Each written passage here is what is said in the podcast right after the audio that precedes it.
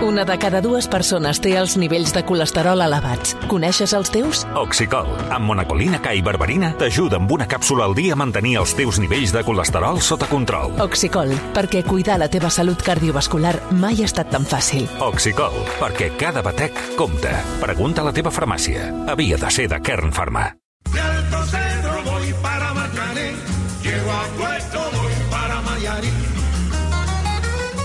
Viatjarem a Cuba, però no a la Cuba despreocupada, de balls i mojitos, sinó a la Cuba real. Ho farem a través de la història d'un periodista cubà. Es diu Abraham Jiménez de Noa, té 34 anys i en fa un que viu a Barcelona. Per plaer? No. Per decisió pròpia? Tampoc.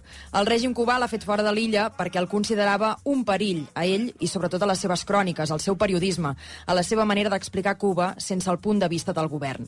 L'Abraham Jiménez de Noa acaba de publicar el llibre La isla oculta, de l'editorial Libros del Cao, on relata tot això que la política cubana vol amagar. Un país que pels turistes pot ser ideal per uns moments, per uns dies, però que pels que hi viuen no ho és pas. Amb ell hem parlat d'això, de com és el dia a dia allà, on aconseguir un simple ou és tot un luxe, de com el règim cubà et pot fer la vida impossible a tu i als teus si t'entestes en fer periodisme independent, i de com és per algú, que ja ha passat els 30, trobar-se per primera vegada en un país i en una ciutat, Barcelona, on de cop i volta tens de tot el teu abast.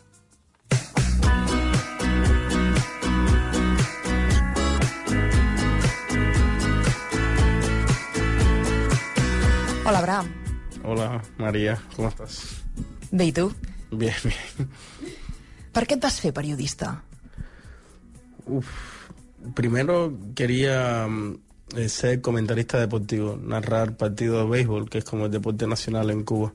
Luego el fútbol llegó y se robó todas las audiencias y bueno, quería narrar fútbol. Y la única manera de, de ser comentarista deportivo, es decir, narrar partidos detrás de, de, bueno, de, la- de la- de las imágenes, es estudiar periodismo en Cuba. Por eso es que entro a la carrera de periodismo en la Universidad de La Habana. És el que t'esperaves? Eh, no, eh, luego cambié porque mm, cuando empecé a dar radio, televisión, me, me di cuenta, como puedes notar, que mi dicción es muy mala, que me como las R, las L, como todo buen cubano. Y en ese momento me atemorizaban los micrófonos y las cámaras, entonces me tuve que reinventar la vida y bueno, eh, en ese momento descubrí como un par de autores eh, los clásicos así como el periodismo estadounidense, Truman Capote, Gay Tales y tal, y bueno, me cautivaron y quise imitarlos, ¿no? Y, quise hacer periodismo narrativo. El periodisme t'ha fet fora de Cuba? Eh, sí, sí, totalmente. Hacer periodismo me tiene hoy en Barcelona. Eh, Cuba, mm, bueno, es un país donde hay un solo partido político, el comunista, y por ley eh, ese partido dirige todas las radios, todas las emisoras de radio, todos los canales de televisión, todos los periódicos, todas las revistas, todos los medios de comunicación. Y hacer periodismo fuera de esa sombría legal se considera ilegal. Y eh, yo soy hijo de Internet. Internet llegó a Cuba en el año 2015. eh, y mi generación eh, empezamos a fundar medios independientes, es decir, eh, fuera de la sombría legal del Estado. Y eso nos implicó que el Estado nos fuera encima, que nos persiguiera, que nos acosara. Y seis años después tuve que salir del país por eso. Què és el que feia l'Estat? Per què no li agradava el teu periodisme i com et perseguia tu? tienen una estrategia clara que es callarte a como el lugar. Y como en Cuba impera el totalitarismo, no es necesario darte un disparo en la cabeza. Lo que hacen es intentar eh, silenciarte y decretarte una especie de, muerte civil. Eh, por ejemplo, eh, constantemente me dejaban en prisión domiciliaria, es decir, yo un día cualquiera eh, podía intentar salir de mi casa, botar la basura o ir al mercado y, estaba rodeado por eh, policías vestidos de civil o policías uniformados. Eh, eso es un día cualquiera. Si había como eventos Però et deien, no, no pots sortir de casa, uh, torna amb les escombraries o no vagis a comprar, et quedes a casa avui. abría la puerta y estaban ahí me decían, si das un paso, si caminas fuera, te llevamos a un calabozo. Y bueno, eh, en- yo decidí, mucha gente sí intentaba salir y terminaban eh, un día entero, horas eh, arrestados. Yo, yo no le veía el sentido a salir porque, bueno, menos me quedaba en mi casa encerrado. Eh, esa era una de las cosas. Otra de las cosas, obviamente, intervención de la comunicación privada, teléfono fijo, el celular. eh, podía ir por la calle y, todo el tiempo me seguían en motos, en autos, sabían cada paso que daba. eh, me llevaban interrogatorios, en esos interrogatorios me amenazaban con la cárcel, me demostraban que no solo a mí, sino a toda mi familia, a todos mis, a mis allegados lo tenían también vigilado. En uno de esos interrogatorios me desnudaron, me esposaron, eh, me llevaron a un lugar donde ni siquiera yo sabía dónde me llevaban y me grabaron escondidas y lo sacaron en el, tele- en la- noticiero nacional de la televisión por la noche, sin, sin yo darme cuenta, me grabaron y le dijeron, bueno, a toda Cuba que yo era un agente de la, de la CIA. Eh, bueno, a mis amigos también los llevaban a calabozo, los interrogaban, a mi familia, a mis padres, a mi madre, los expulsaron de su centro de trabajo. Es iban y le decían, si su hijo sigue escribiendo, lo vamos a echar de- de- labo- del laburo. Y los echaron, mi, mi padre se tuvo que jubilar, a mi madre le echaron, a mi hermana le echaron. Entonces es como una suerte de, de- de muerte civil que no es necesario ni que te den golpe ni que te eh, den un tiro. Yo llegué a un punto en el que no tenía con quién conversar, en solo mi pareja en mi casa, porque bueno, los vecinos no se podían acercar a mí, mis amigos no se podían acercar a mí, parte de mi familia no se podía acercar a mí, porque bueno, si se relacionaban conmigo, eh, tenían que someterse a este tipo de represalias, ¿no? Eh, y bueno, eh, y otra de las represalias, quizás la más significativa, era que no me dejaban salir del país. Es decir, yo no tenía pasaporte. Hasta que a finales de 2021, eh, bueno, cuando inevitablemente había pasado mucho tiempo y sabían que yo iba a seguir escribiendo, eh, eh, me llamaron por teléfono, eh, me dijeron que, bueno, que me iban a dar el pasaporte, que fuera a las oficinas, pero que cuando me lo dieran me tenía que ir del país y no iba a ir a, prisión y que iban a, terminar de acabar con mi familia. Bueno, y por eso es que estoy acá en Barcelona, salí a inicios del año pasado, porque cuando iba a salir a finales de 2021 llegó Omicron y tuve que quedarme un poco más y bueno, no fue hasta enero que pude salir. No vas arribar a pensar mai, mira, ho eh, no val la pena, tant patiment no val la pena, no només per tu, sinó per la família, pels amics. Eh, no vas pensant llançar la tovallola?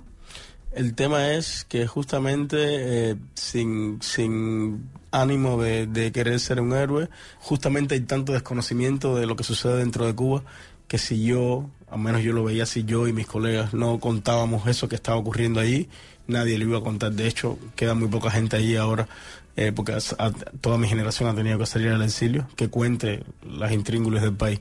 Entonces, eh, eh, veía eh, el ejercicio del periodismo como, como un acto de, de libertad de expresión, como un acto de, de, bueno, ¿no? de narrar eh, de manera histórica lo que estaba ocurriendo dentro de Cuba. Eh, decir, la parte más importante es cuando, y la parte más dolorosa era cuando de pronto, sin yo tener la culpa, o sí, eh, mi familia se veía afectada, ¿no?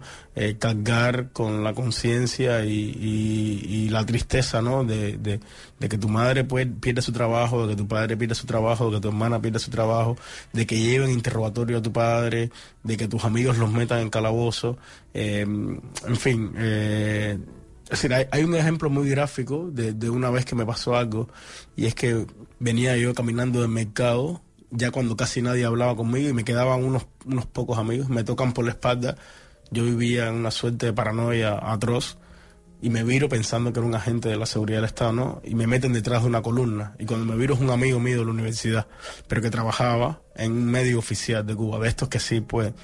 Y me dice, hace unos días que me llevaron interrogatorio, que me quitaron mi teléfono para, para ver la relación que teníamos tú y yo. No me escribas más porque eh, me vas a afectar mi trabajo.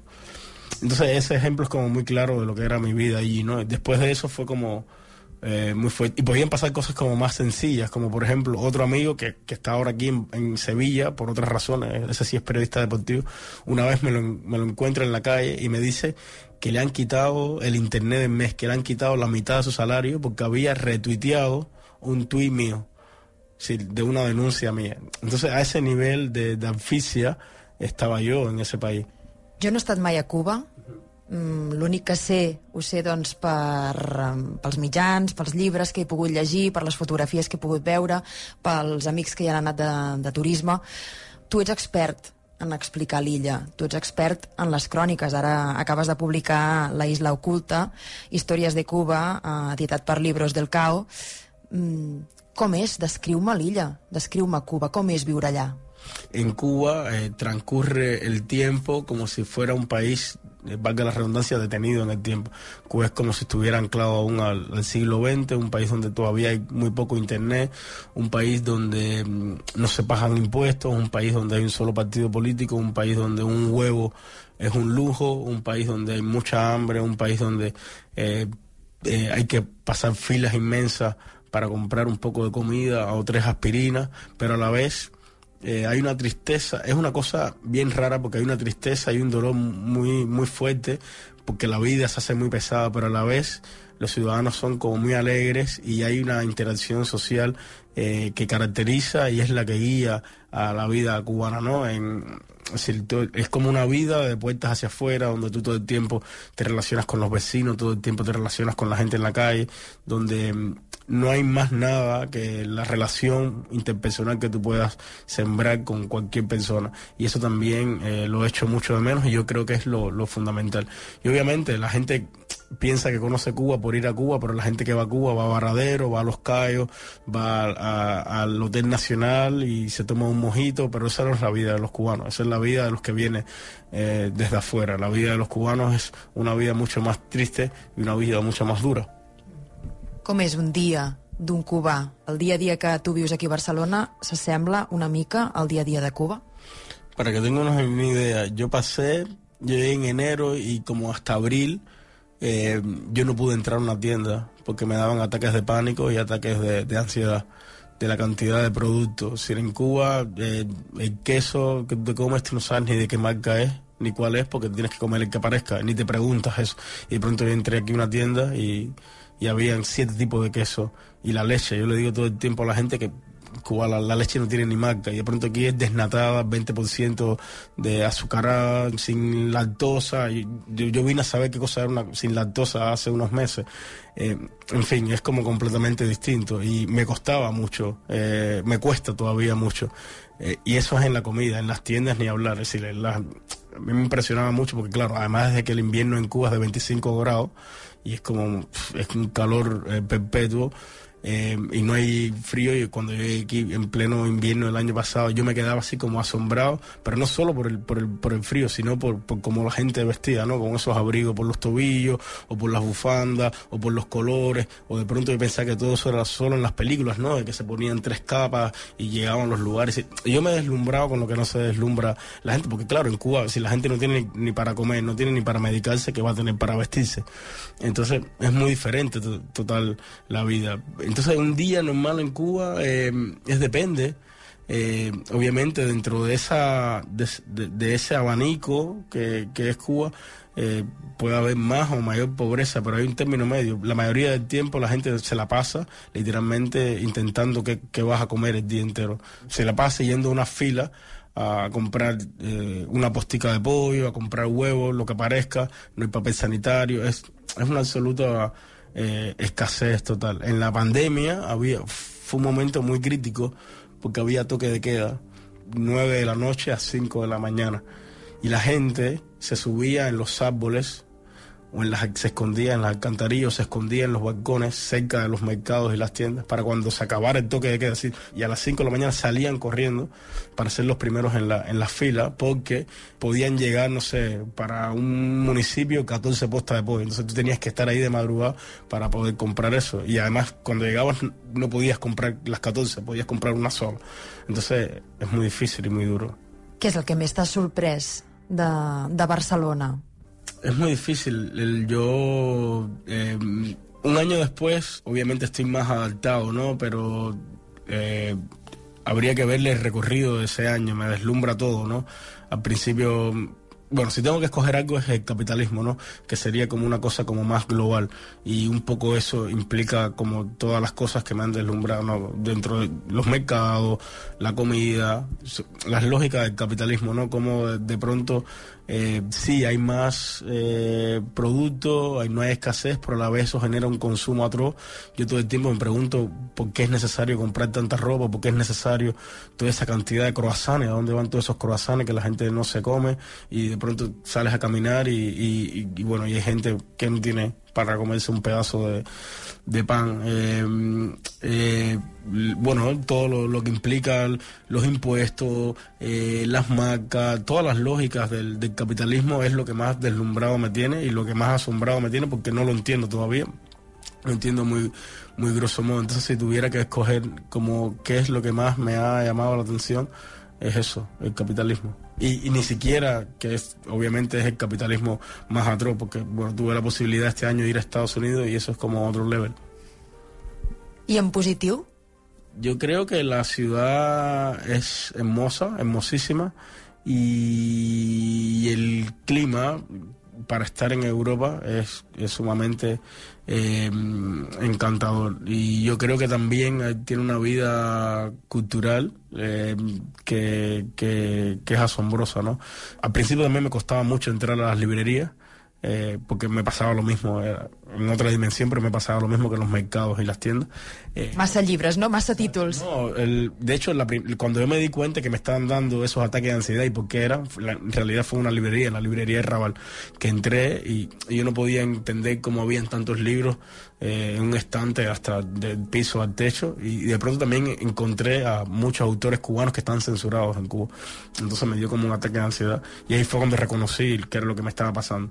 Pero ahora eso lo estoy disfrutando mucho, ¿no? Eh, y es una de las cosas que más me encanta, así caminar y en cada cuadra que hay una librería, que en cada cuadra hay, sí, contrario a lo que se dice, de pronto yo veo que aquí la gente lee mucho.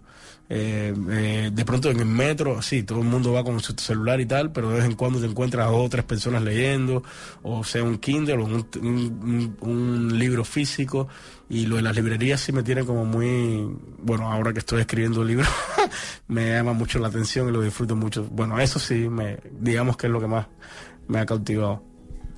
Quina sensació tindràs quan vegis el teu llibre en una d'aquestes eh, llibreries que tenen, eh, doncs això, estanteries i estanteries amb llibres fins a dalt de tot el sostre? Sí, me ha pasado una cosa cómica. Bueno, la editorial me dice en, bueno, en qué librería está, que está en bastantes librerías, e incluso en las, en las principales, ¿no? La Central, eh, la Finestra, en, fin. Y de pronto eh, he ido y, no lo encuentro de la cantidad de libros que hay. Y, y de hecho, alguna, alguna que otra vez me he ido a la librería sin encontrar el libro, otras veces sí lo he encontrado. No, y es una sensación rara, como de pronto ver mi libro ahí o que la gente como me mande, oye, mira, el libro está acá, me mande fotos. Lo estoy disfrutando como mucho, la verdad, sí. A la Isla Oculta, al teu llibre, eh, hi ha l'epíleg que és la teva història, és tota aquesta repressió que tu has viscut eh, pel fet de ser periodista, per ser periodista independent a, a Cuba, i hi ha també moltes cròniques, moltes històries. Eh, explica'm què, què hi podrà trobar el lector. Tria'm en una. Bueno, la primera. Eh, la primera se llama La Revolución de los Acuáticos.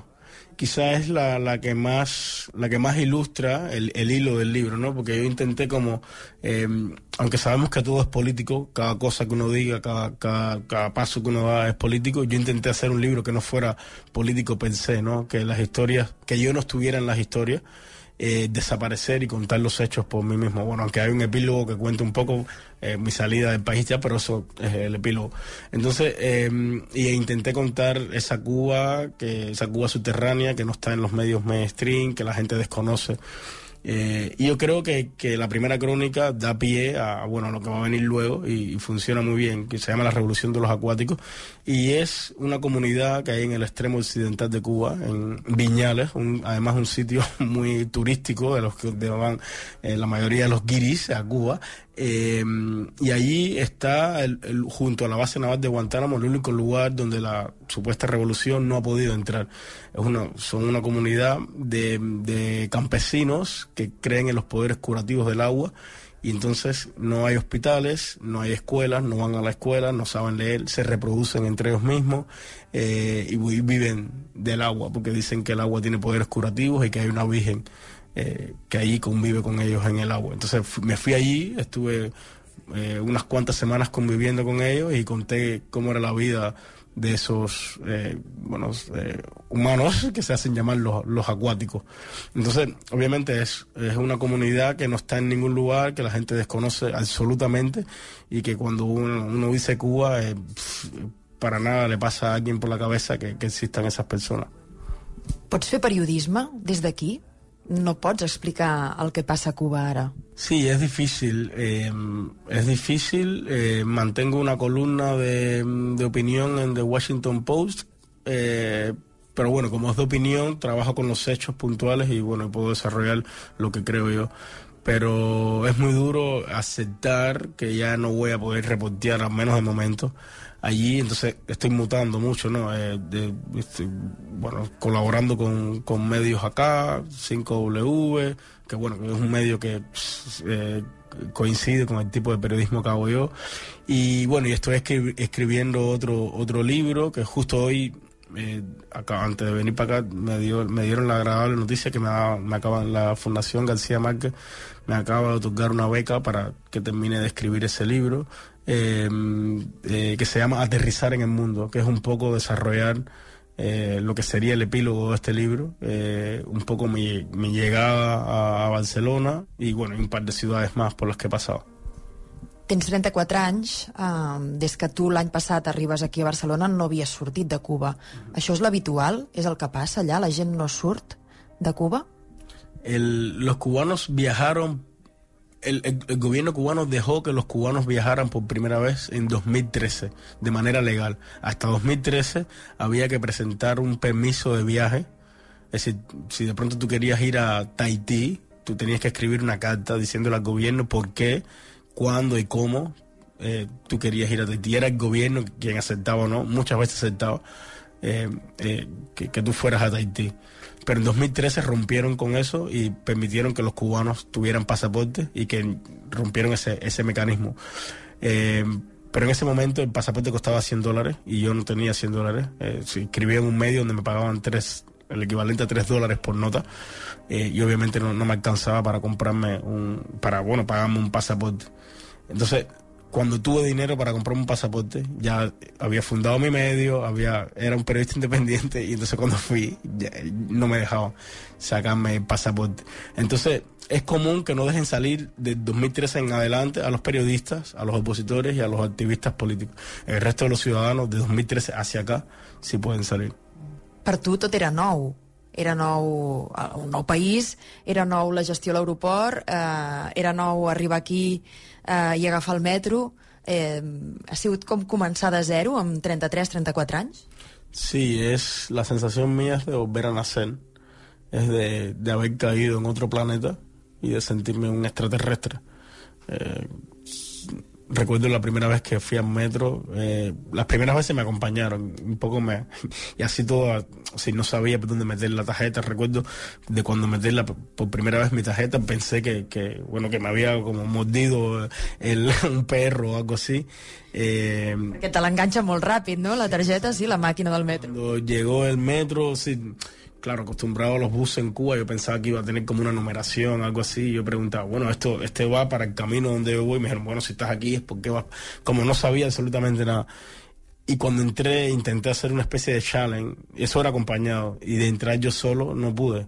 Eh, no pude hacerlo, tuve que salir por completo. Y así mismo con todo. Recuerdo también con Google Maps, que, que está en el epílogo, una escena que fui a, a, a tomar algo a casa de un amigo y, y cuando salí quise ir, regresar a, por mis pies y puse Google Maps y, y- entonces yo caminaba y, y- el muñequito iba hacia un lado y iba hacia otro y, y estuve como, no sé, como cerca de 15 minutos cruzando un mismo, un, un- un mismo paso de cebra sin poder enderezar el avatar de, de aquel Google Maps. Pero bueno, mira, un año después ya lo puedo domar y lo, y lo domino. Eh, pero sí, todo era completamente eh, nuevo. Has parlat molt d'ansietat, d'atacs d'ansietat que t'han vingut, estan aquí a, a Barcelona, perquè tot és nou. Ansietat també quan estaves a, a Cuba, quan eh, doncs, et veies obligat a estar sota arrest domiciliari i tota aquesta restricció que et feia el govern. És una cosa que tu també ho vas viure allà? Sí, bueno, es eh, toda esta presión, todo este acoso, toda esta persecución terminó provocándome una severa eh, eh, crisis de, de salud mental. Eh, estuve incluso semanas sin poder levantarme de la cama, eh, estuve padeciendo mucho tiempo ataques de ansiedad, al final tuve que medicarme eh, e incluso la represión llegó al punto en que, bueno, yo tenía un, terapeuta y ese terapeuta me dejó, bueno, porque me vio en la televisión, en ese interrogatorio que me habían grabado y eh, luego intenté buscar otros terapeutas y todos me, se negaban justamente para que, bueno, no verse implicado en las represalias. Entonces un, una organización internacional tuvo que buscarme un terapeuta en Madrid y, yo, y hacía las, las consultas telemáticas y eso fue gracias a eso que, que pude como salir un poco de, de, ese hoyo. Pero obviamente cuando llegué aquí todavía estaba como muy resentido y, y, y esa llegada bruta a, a, ese otro planeta me hizo revivir toda esa um, ansiedad y todos esos ataques de, de pánico y, y, bueno, pero ahora ya estoy mejor, pero bueno, tengo un terapeuta ahora igual acá. Aquí tens un terapeuta, entenc que el pots visitar sense problemes. Allà deies que havies de fer, entenc, videotrucades. Amb internet era fàcil? L'internet allà a Cuba arriba bé? Tu podies comunicar-te sense problemes? Eh, no. El, hoy 400 megabytes, que es el paquete más pequeño de, de telefonía móvil, equivalen a, a, a 5 dólares. Es decir, 400 megabytes, que eso es nada. En un país donde el salario eh, medio es de 80. Entonces, ¿entiendes? Sigue siendo un lujo y no, una, y no una necesidad. Y además la velocidad no es la óptima. Yo para hacer esas consultas tenía que subirme en la azotea de mi casa al aire libre para que no hubiera ninguna pared y tal y el teléfono pudiera funcionar, así la conexión pudiera funcionar mejor. Así todo eh, se frizaba todo el tiempo, era muy difícil hacerla. No es un internet bueno para nada. Y, y además el gobierno tiene bloqueado el acceso a la inmensa mayoría de medios independientes, tiene eh, restringido, si cuando hay protestas o cuando hay sucesos así como de envergadura, eh, puede desconectar el, país completamente, quita, tendrán un botón donde lo tocarán y se apaga el internet completo, o incluso es selectivo, de pronto a todos los periodistas independientes, a los opositores, a los que estén en esa protesta, le quitan el internet. Entonces es como una locura. Què creus que ha de passar a Cuba perquè això canvi? Es, es, es, lo que se viene es muy triste, de hecho ya todo es muy triste. El, yo no lo veo salida, yo creo que se tiene que morir eh, Raúl Castro primero, que, que bueno sigue siendo el eje del gobierno cubano. Y luego yo creo que se dará un poco una suerte de perestroika, un poco lo mismo que pasó en la Unión Soviética, que, se dará una, una, una, pugna en el poder y se harán unas pequeñas reformas en, en, en, el, en, el, en el sistema y eso generará algún cambio. Pero creo que lo que vendrá después justamente salvando las distancias económicas, un poco lo mismo que vino en, bueno, en la que hoy es Rusia, ¿no? Un poco los, los, de, los del gobierno, los militares se quedarán con, con todo, obviamente en Cuba no hay la riqueza que hay en Rusia, y llegará así ya con, con todas sus armas el capitalismo más brutal y de pronto yo creo, y aunque a la gente no le gusta mucho la idea, eh, pero que es inevitable que Cuba terminara siendo una isla del Caribe como un destino turístico al estilo Dominicana o las Bahamas. Tu aquí has vingut amb la teva dona, amb el teu fill, que em sembla que té dos anys i mig. Et veus quedant aquí? Seguint amb la teva família aquí? Sí, yo creo que si bien yo no cierro una puerta a nada, yo creo que sí. Eh, al final, después de un año, ya nos sentimos como mucho más cómodos, la ciudad eh, eh, nos es mucho más amable, ya estamos mejor relacionados con el capitalismo sin entenderlo, pero estamos mejor relacionados. Eh, bueno, el clima es espectacular y, y, bueno, tampoco tenemos como muchas más opciones, ¿no?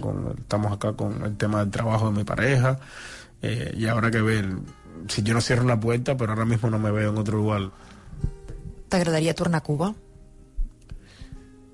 Sí, pero no ahora mismo. Uno, porque ahora es inviable, ahora sería regresar para ir a una cárcel. Eh, y dos, en caso que no fuera ese, sería regresar para regresar a vivir un país invivible. Pero sí me encantaría regresar para contar eh, ese momento final ¿no? de, de, de un proceso histórico eh, que inevitablemente ¿no? es Cuba ¿no? en, en el mundo. Tria una cançó que et transporti a Cuba, que et transporti a casa. me pasa una cosa curiosísima, ¿no? Que de pronto me he descubierto aquí escuchando a los cubanos que yo no escuchaba, ¿no? Eh, y hay un cantautor de música popular cubano que se fue muy joven a Estados Unidos. Y bueno, yo no sé si lo conocen más allá de los cubanos, se llama Willy Chirino. Y hay una canción que mm, me da mucha nostalgia, que se llama, que ni siquiera habla de, un tema político, él tiene otras canciones que son mucho más políticas, ¿no? Pero se llama La Última Canción. Y es como un poco, eh, bueno, invitando, ese, esa canción que podrías poner en una discoteca o una fiesta, es como, bueno, ya después esto se acaba, bailemos la última, es un poco eso, eh, pero no sé por qué asocio eso mucho a, Cuba, asocio hecho eso a, bueno a mi última mi último disparo allí a mi, a, mi última estancia en, en, Cuba. Y se me ha vuelto una canción que para nada es política se me ha vuelto muy nostálgica. Sí la escucho todo el tiempo así como en loop. De hecho cuando me siento a trabajar todos los días la pongo no sé por qué no entiendo sí doncs uh, fem l'último baile, Abraham. Sí, sí. Gràcies, Abraham. Nada, nada, un placer. Canción.